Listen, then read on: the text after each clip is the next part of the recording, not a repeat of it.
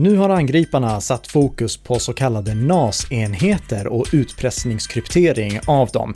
I det här avsnittet förklarar vi hur du skyddar dig.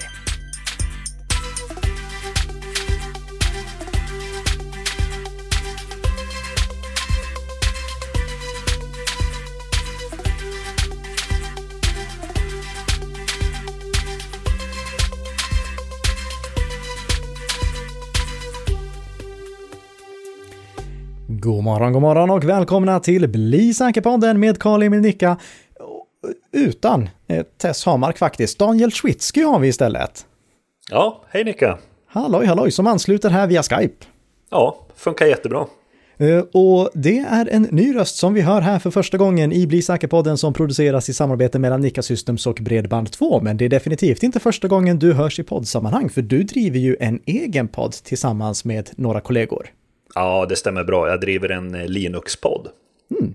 Och det är ju då alldeles ypperligt att du ansluter till oss i det här avsnittet, för vi har faktiskt två stycken Linux eh, Kanske till och med tre beroende på hur man klassar det. Kanske tre stycken Linux-relaterade saker som vi ska prata om i det här avsnittet. Men det berör väldigt många, inte bara de som kör Linux på desktop, vilket...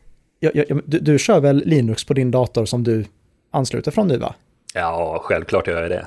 Ja, eh, eh, men det är ju inte alla som gör det, men det är ändå väldigt många som blir berörda av det som vi ska gå igenom i det här avsnittet. Eh, för vi kommer nämligen prata om NAS-enheter, alltså nätverkslagringsenheter. Små datorer med hårddiskar i som man har för att man ska kunna komma åt sina egna filer oavsett var man är. Om man till exempel vill driva sin egen molntjänst eller liknande. Vi kommer prata mer om det alldeles strax, men vi måste först och främst hoppa in på veckans snabbisar. Och eh, först och främst har vi då lite uppföljning från förra veckan. För förra veckan, då pratade vi om att Apple eh, inte tjuvlyssnade på oss, men att kanske inte alla var medvetna om hur de här inspelningarna som man gör med den digitala röstassistenten Siri hanterades. Eh, efter alla rabalder som har varit om det så har eh, Apple eh, ändrat lite sin attityd. De kommer att fundera på hur de ska lösa de här problemen och i en kommentar till The Verge säger de följande. We are committed to delivering a great Siri experience while protecting user privacy.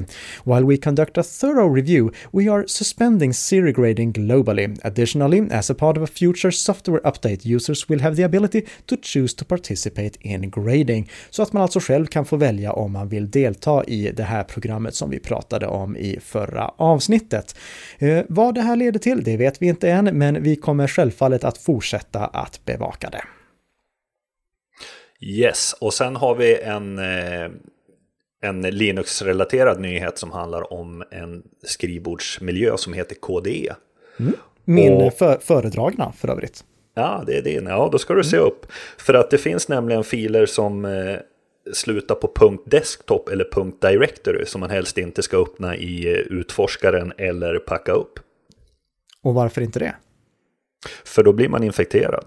Ja, ja. Eh, det här är någonting som bland annat The Hacker News och Bleeping Computer har rapporterat om. Eh, sårbarheter och det, här är det som kallas en nolldagars sårbarhet, alltså eh, en sårbarhet som inte är åtgärdad. Här räcker det alltså inte att jag uppdaterar KDE till den senaste versionen, utan jag måste vara väldigt restriktiv med vilka filer jag tar emot från okända källor och packar upp från okända källor så att jag inte råkar infektera min Linux-dator. I väntan då på att KDE-teamet släpper en uppdatering uppdatering som åtgärdar det här. Men vid inspelningstillfället så finns det inte någon sån uppdatering tillgänglig än. Eh, KDE är ju dock bara en av många skrivbordsmiljöer på Linux-fronten. Vad kör du med för, eh, för skrivbordsmiljö? Jag använder en avskalad version som heter XFCE. Ja, och då är du ju inte drabbad av det här. Nej, jag klarar mig. Och, och, det är inte heller de som använder den andra stora eh, desktopmiljön som heter Gnome. Eh, Okej, okay, nu tror jag minsann att jag trampade på många tår här, för först och främst så kanske det är inte alla som uppskattar att jag bara säger att det är KDE och Gnome som är de stora. Eh, men eh, det är det, och sen så kommer det vara någon som nu meddelar mig att man inte ska uttala Gnome på det sättet, men det gjorde jag i alla fall, deal with it. Eh, vilken skrivbordsmiljö man ska ha, det är ju någonting som man definitivt kan eh, lyssna med på i er podd ifall man skulle vilja lära sig mer om det. Ja, det stämmer bra. Det kan man kriga i många avsnitt om man vill. Ja, eh, fast i, ni kör inte er, er podd är väl nu eh, i träda under sommaren? Ja, vi kommer dra igång till hösten här i slutet av augusti är väl tänkt att vi ska dra igång. Mm. Bra, och kan ju då passa på att flagga upp här också för att det var väldigt länge sedan jag blev inbjuden till den. Ja, säger jag, det. Mm. Jag, jag lovar, det kommer en inbjudan. ja, eh, men eh, om ni vill veta mer om Linux-relaterade problem eh, och Linux-relaterade lösningar så lyssna jättegärna på Linux-podden. Android, klassar du det som Linux?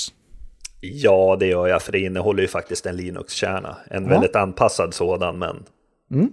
Men då är det här också en Linux-relaterad nyhet, för det har upptäckts tre sårbarheter i eh, Linux, eh, i Linux, i i eh, Android och framförallt eller specifikt när det kommer till eh, mobiltelefoner som har Qualcomms Snapdragon-processorer i sig. Och Snapdragon-processorerna det är ju de absolut mest populära i Android-sammanhang och används av alla möjliga mobiltillverkare förutom, eh, eller jo, Samsung och Huawei använder dem också, men de har ju också sina egna processorer. Men annars så är Snapdragon-processorer de absolut mest populära. Och det har hittats tre sårbarheter här i som i alla alla fall två av dem är klassade som kritiska. De gör att en angripare kan infektera Android-mobiler bara genom att vara i wifi-närvaro. Exakt vad som krävs här, förutom då att man måste vara nära rent wifi-mässigt, det vet vi inte riktigt än, för vi har inte fått alla detaljer när vi spelar in det här på onsdagskvällen. Eh, men eh, vi kommer få mer detaljer inom kort, för eh, de som upptäckte de här problemen, Tencent, de kommer att presentera det på veckans Black Hat-konferens. Eh, Google har släppt en uppdatering nu som åtgärdar de här säkerhetsproblemen. Så om man har installerat augustis säkerhetsuppdateringar, då är man skyddad mot det. Men eh, ja, hur många tror du att har fått augustis säkerhetsuppdateringar än så länge? Ja, det är tyvärr inte många. Nej, för det, det slarvas jättemycket med att eh, rulla ut eh, säkerhetsuppdateringar från mobiltillverkarna. Har du fått eh, augustis eh, säkerhetsuppdatering? Jag fick någon uppdatering för några dagar sedan, men eh, den innehåller ja. nog inte den här fixen. Nej, det, det, var nog i så fall julis säkerhetsuppdatering för den släpptes, den, det var den femte som den släpptes publik liksom så att den var tillgänglig. Eh, och om jag bara får slinka in med en jättesnabb sak här också, så skulle jag rekommendera alla som funderar på att skaffa en mobiltelefon att alltid kontrollera Googles Enterprise Recommended-lista om mobilen finns med där. För om mobilen finns med där, då åtar sig tillverkarna släppa säkerhetsuppdateringar till den inom 90 dagar från det att de blir tillgängliga publikt. Så välj jättegärna mobiltelefoner som finns på den listan för att vara lite säkrare. Men annars är det bara rent allmänt se till att du installerar de senaste uppdateringarna så fort de blir tillgängliga. Google underhåller Android 7.0 och senare fortfarande, så om du kör Android 7.0 eller senare så ska du få den uppdateringen, eller ja, borde få den åtminstone. Med det sagt så tror jag att det är dags att vi hoppar in på veckans huvudämne, eller hur? Ja, det tycker jag. Och då ska vi prata om NASar. NAS är en fantastisk produkt och jag har ju sen, eh, jag tror det var julen 2006 sagt att NASen borde vara årets julklapp. Alla borde ha den för att man ska kunna hantera alla sina filer lokalt, ha ett ställe där man samlar sina bilder, samlar backup, samlar filmer. Eh, vad använder du din till? Eh, jag använder min NAS för att lagra filer, till exempel bilder och dokument. Mm. Sen så hostar jag en egen Teamspeak-server. Vad, vad är det för något? Eh, det är en eh, server som gör att man kan koppla upp sig och sitta och prata i, alltså typ, i ett rum. Typ Skype så som vi använder här? Ja, precis. Mm. Och sen så har jag den som en NUR, vilket betyder Network Video Recorder. Och den spelar in allt mitt material som jag har som mina övervakningskameror. Just det. Mm. Och det, det, är någonting som vi pratade om i ett tidigare avsnitt, huruvida man ska eh, låta sina övervakningskameror spela in till en molntjänst eller om man ska låta dem spela in till en NAS. Jag gör precis som du, att jag låter eh, mina övervakningskameror spela in till min NAS med eh, det programmet som heter Synology Surveillance Station. Är det, är det samma som du kör? Ja, det använder jag också. Ja, titta, titta. Eh, och eh, det är för att jag ska ha full kontroll över alla mina filer. Men i det avsnittet där vi pratade om det, då sa jag också att det inte var rätt lösning för alla. Och här kommer vi nu till kruxet. Jag tycker ju att alla borde ha en NAS. Men jag vill ha en liten asterisk därefter nu också. För om man inte vill ta ansvar för sin NAS, om man inte vill underhålla den med säkerhetsuppdateringar, då är inte en NAS kanske det bästa stället att lagra sina filer på. För en NAS skulle jag säga är typexemplet på en produkt som väldigt många installerar och sen konfigurerar de den och sen glömmer de bort den i en garderob. Och om man ska ha en NAS exponerad mot internet, då måste man underhålla den med säkerhetsuppdateringar och man måste se till att konfigurera den på ett säkert sätt. För annars drabbas man av det som just nu sker. I tidigare avsnitt av den här podden har vi pratat om utpressningskrypterare som krypterar ens filer och eh, kräver en lösensumma för att lämna tillbaka dem. Och nu har de insett att NASAR, alltså ställen där man sparar alla sina dokument, bilder, filmer, den centrala platsen för ens lagring, också går att attackera. Och vi ser nu flera breda attacker där angripare infekterar sådana här NAS-enheter, krypterar alla användarfiler som finns på NASen och kräver en lösensumma för att lämna tillbaka dem. Och det här är inte relaterat till bara specifika eh, NAS-tillverkare, utan det här gäller många olika NAS-tillverkare. Du har ju en NAS från Synology. Har du läst om vad som eh, sker med Synology-NASar just nu? Ja, det har jag gjort. Kan, kan du berätta? Alltså det som händer med Synology NASA det är ju att de blir attackerade och sen så Problemet är ju inte att den är att det är någon eh, eh, sårbarhet utan problemet är ju att användarna har för dåliga lösenord. Mm. Vi kommer tillbaka till det gång på gång på gång. Ja. Användarna, eh, förlåt, angriparna gör så kallade ordlisteattacker där de testar helt enkelt de vanligaste lösenorden som finns, admin, password, password 1 och liknande, och ser om de kan komma in. För på internet så finns det en sökmotor som letar upp alla publikt exponerade NASar. Så det är bara för de som driver så kallade botnät som används för att göra sådana här attacker att eh, leta upp alla Synology-NASar som finns på nätet och sen eh, låta bottarna testa alla vanligt förekommande lösenord för att se om de kommer in. Eh, och därför måste man se till att ha god lösenordssäkerhet. Men det hjälper inte i alla sammanhang, för du sa att det inte var en säkerhetsbrist som gjorde att de här eh, Synology-nasarna blir attackerade nu. Men om vi kollar på andra märken, då händer det. Eh, synologinaserna Synology-nasarna har jag framförallt nu sett att de blir utpressningskrypterade av det som heter Tjeckjysk med, med, lite reservation för hur man ska uttala det. Eh, det är en annan utpressningstrojan som just nu attackerar eh, eh NASAR från eh, eh Synologys konkurrent QNAP.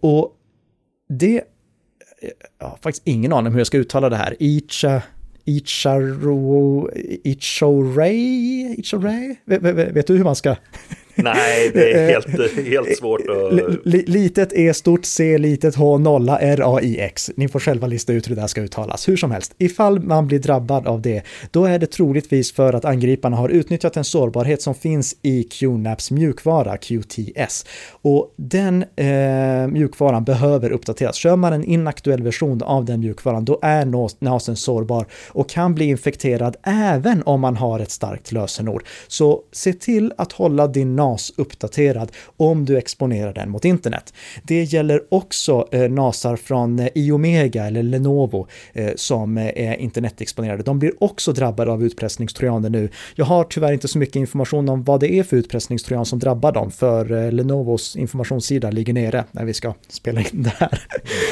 Eh, men eh, hur som helst, eh, vi ser liksom, det här är problem som man råkar ut för om man har en NAS men inte gör rätt. En NAS är fantastisk för att man ska liksom ha ett eh, integritetsfokuserat och ett kontrollerat sätt att lagra alla sina filer. Men om man inte har koll på hur man ska konfigurera det och inte underhåller produkterna på månadsbasis, då kan man råka ut för sådana här saker. Och det är det som jag vill komma åt med den här lilla asterisken. NAS är jättebra för alla alla som vill ta ansvar. Men om man vill slippa det här ansvaret, då kanske man istället ska fundera på att låta någon molnlagringstjänst använda eller någon molnlagringstjänst hantera alla ens filer så att de tar ansvar för säkerheten istället. Men det som vi ska prata om här nu, det är ju vad gör vi då? Vad, vad krävs för att man ska kunna konfigurera sin NAS på ett säkert sätt? Och jag vet att du har något tips här framförallt som du skulle vilja föra fram.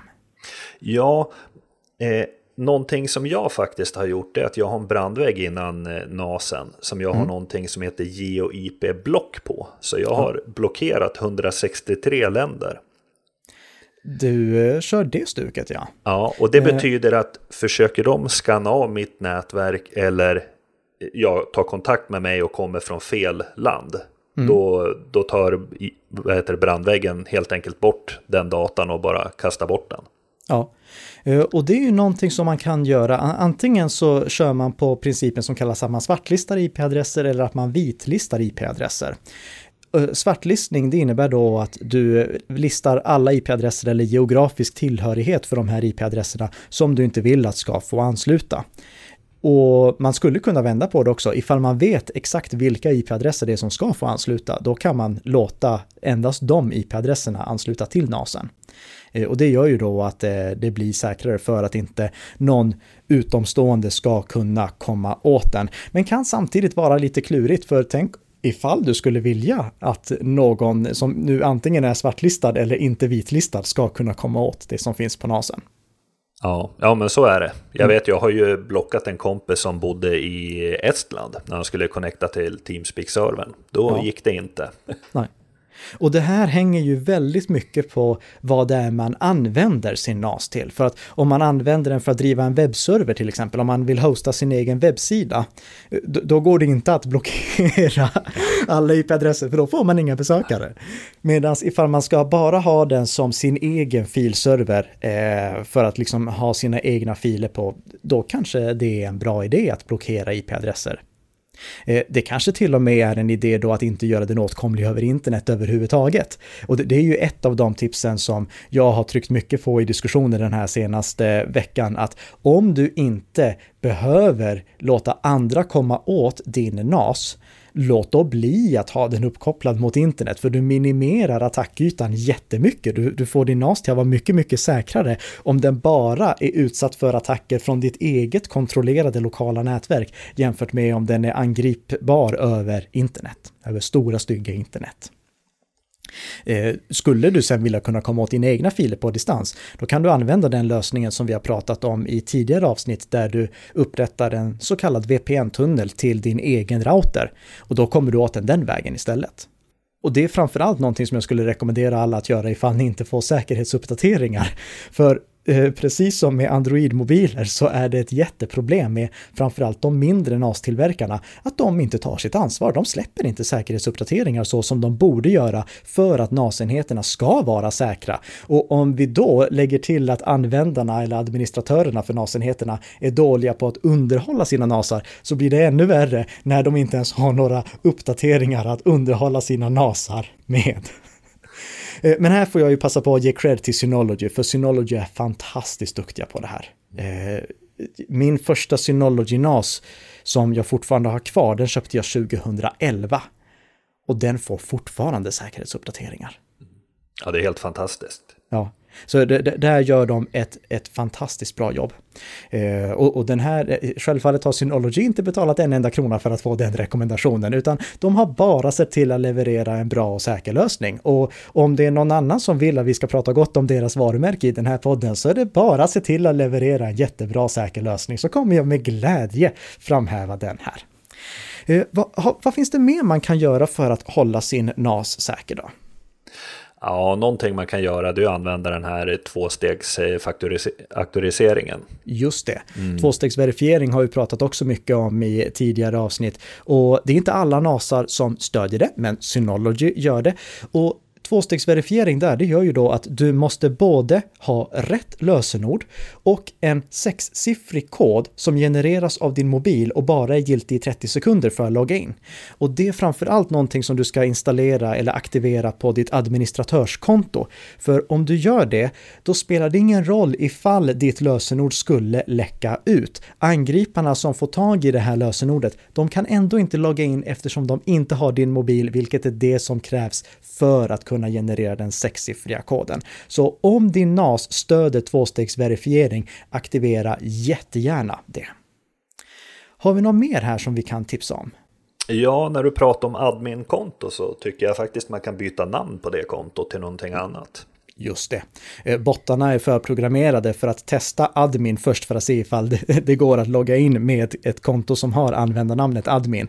Och även om det inte skyddar jättemycket i sig så förhindrar det väldigt många attacker ifall man, eh, alltså många sådana här avskanningsattacker ifall man låter kontot som har administratörsrättigheter heta någonting annat än admin som är standard. Eller om det är administrator som är standard på din NAS-modell, se till att inte låta administrator vara administratörskontot.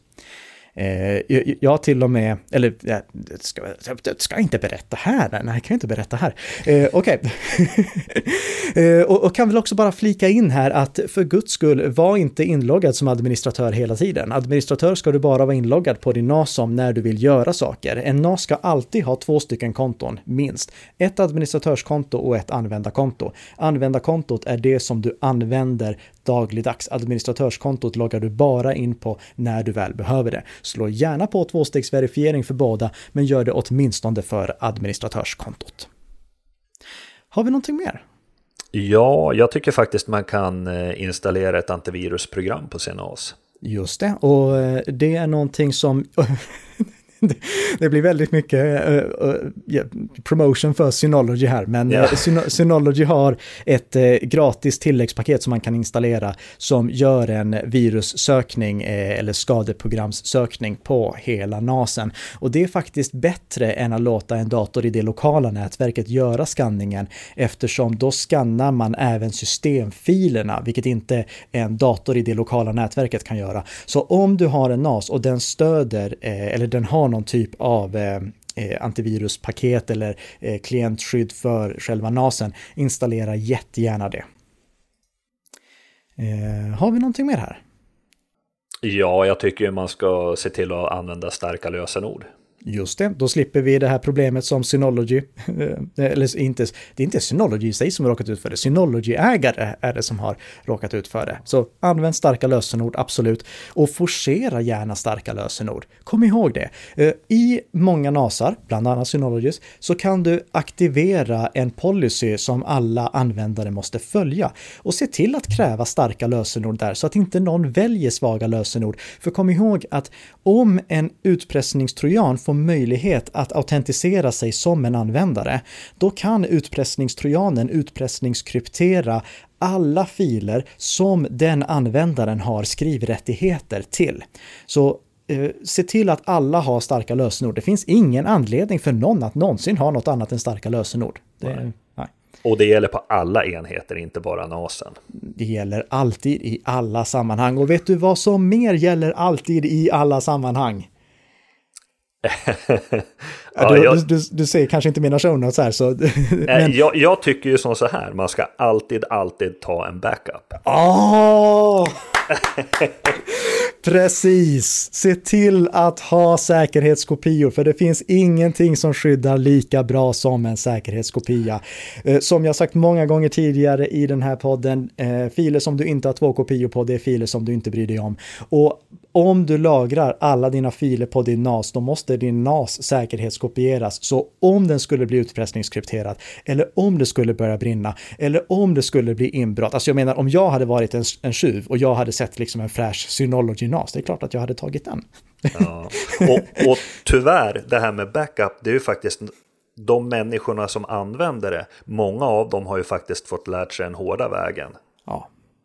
Tyvärr. Eh, och, och, vi hoppas att alla ni som lyssnare ska slippa lära er det den hårda vägen genom att bli av med filer. Så se till att ha backup. Antingen eh, använd NASens inbyggda backup-funktion. Eh, man kan backa upp till en vän. Om det, ni är två stycken som har varsin NAS, då kan ni backa upp till varandra. Eller så kan man backa upp till någon molntjänst. Eller så kan man eh, ja, ja, till och med bara sätta in en extern hårddisk och vid tillfälle dra över alla de viktigaste filerna och se till att den eh, hårddisken förvaras någonstans någonstans på ett säkert sätt.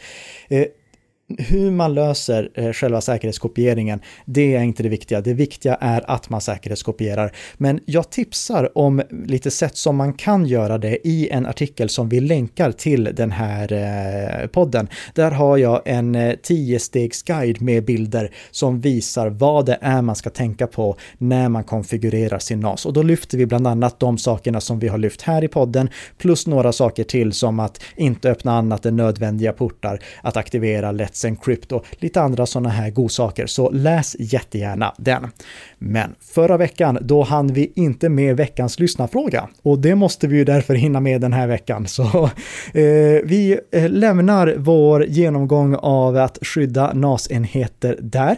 Om du som lyssnar tycker att vi missade någonting eller skulle vilja att vi förtydligade någonting eller tog upp någonting ytterligare kring det så skicka jättegärna in en fråga för då kan du vara i samma roll som Erik på LinkedIn är. Han får nämligen veckans lyssnarfråga bok, alltså Bli säker-boken, som tack för att han skickade in den här frågan.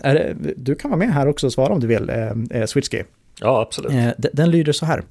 Hur viktigt är det med antivirusprogram till mobiler, iOS kontra Android? Jag upplever nämligen att den övervägande majoriteten av antivirusappar är rent skräp som sprider reklam och drar batteri. Du, du kör ju en Android-mobil. Har du något eh, eh, klientskydd, populärt kallat antivirus, på den? Eh, nej, det har jag faktiskt inte. Nej. Eh, och jag kör eh, i huvudsak en iPhone. Och då tror jag att du kan gissa om svaret är ja eller nej på den frågan huruvida jag har klientskydd på den. Eh, jag tror du kommer säga nej. Nej, det har jag inte.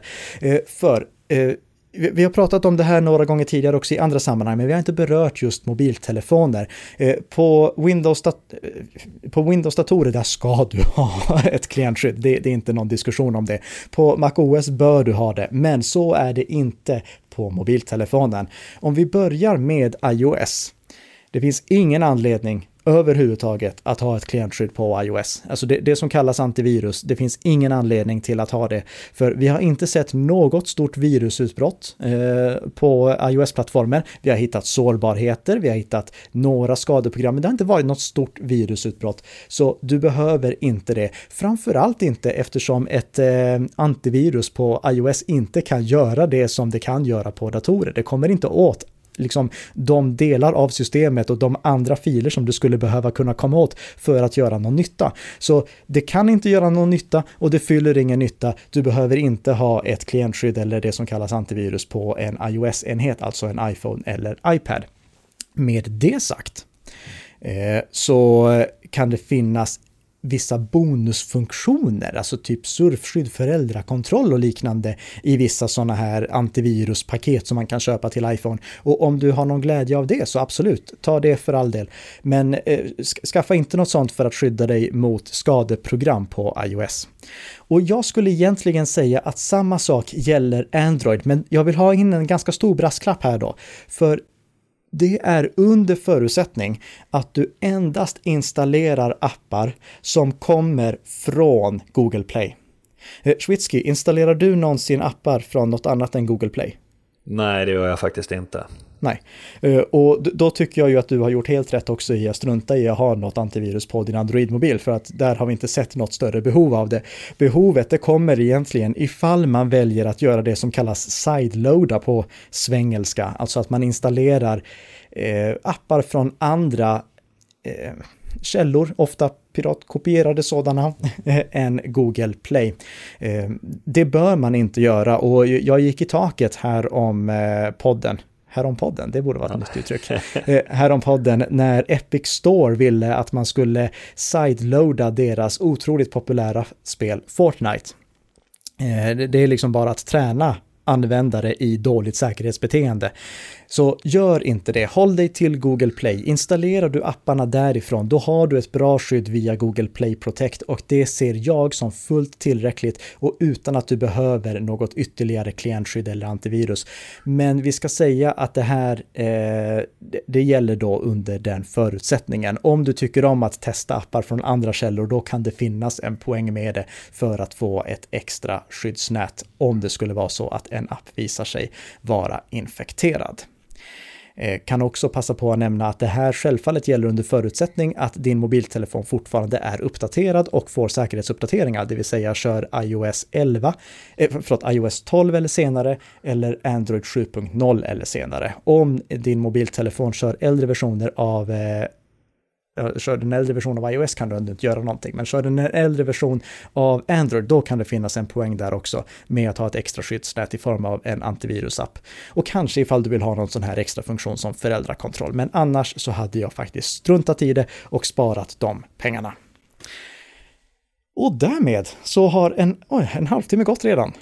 Ja, gå fort när man har roligt. ja, men Schwitzky, om man vill ha mer av dig, vad gör man då? Eh, då går man till vardagsteknik.nu. Mm. Och där hittar man både Android-podden och Linux-podden. Eh, och du pratar i båda de två? Eh, ja, det gör jag, men största delen är Linux-podden. Och ja. här till hösten kommer jag endast prata i Linux-podden. Okej, okay. men om du skulle ta på dig din Android-hatten-app, vad tyckte du att mitt, okay kring, äh, mitt svar kring behovet av äh, antivirus var okej? Okay? Det tycker jag var jättebra. Absolut. Bra, då, då, är vi överens om det också. Mm. Men gör jättegärna det. Titta in på vardagsteknik.nu för mer av Daniel Schwitzky som jag också tackar så jättemycket för att du medverkade i Bli säker-podden. Ja, tack för att jag fick vara med.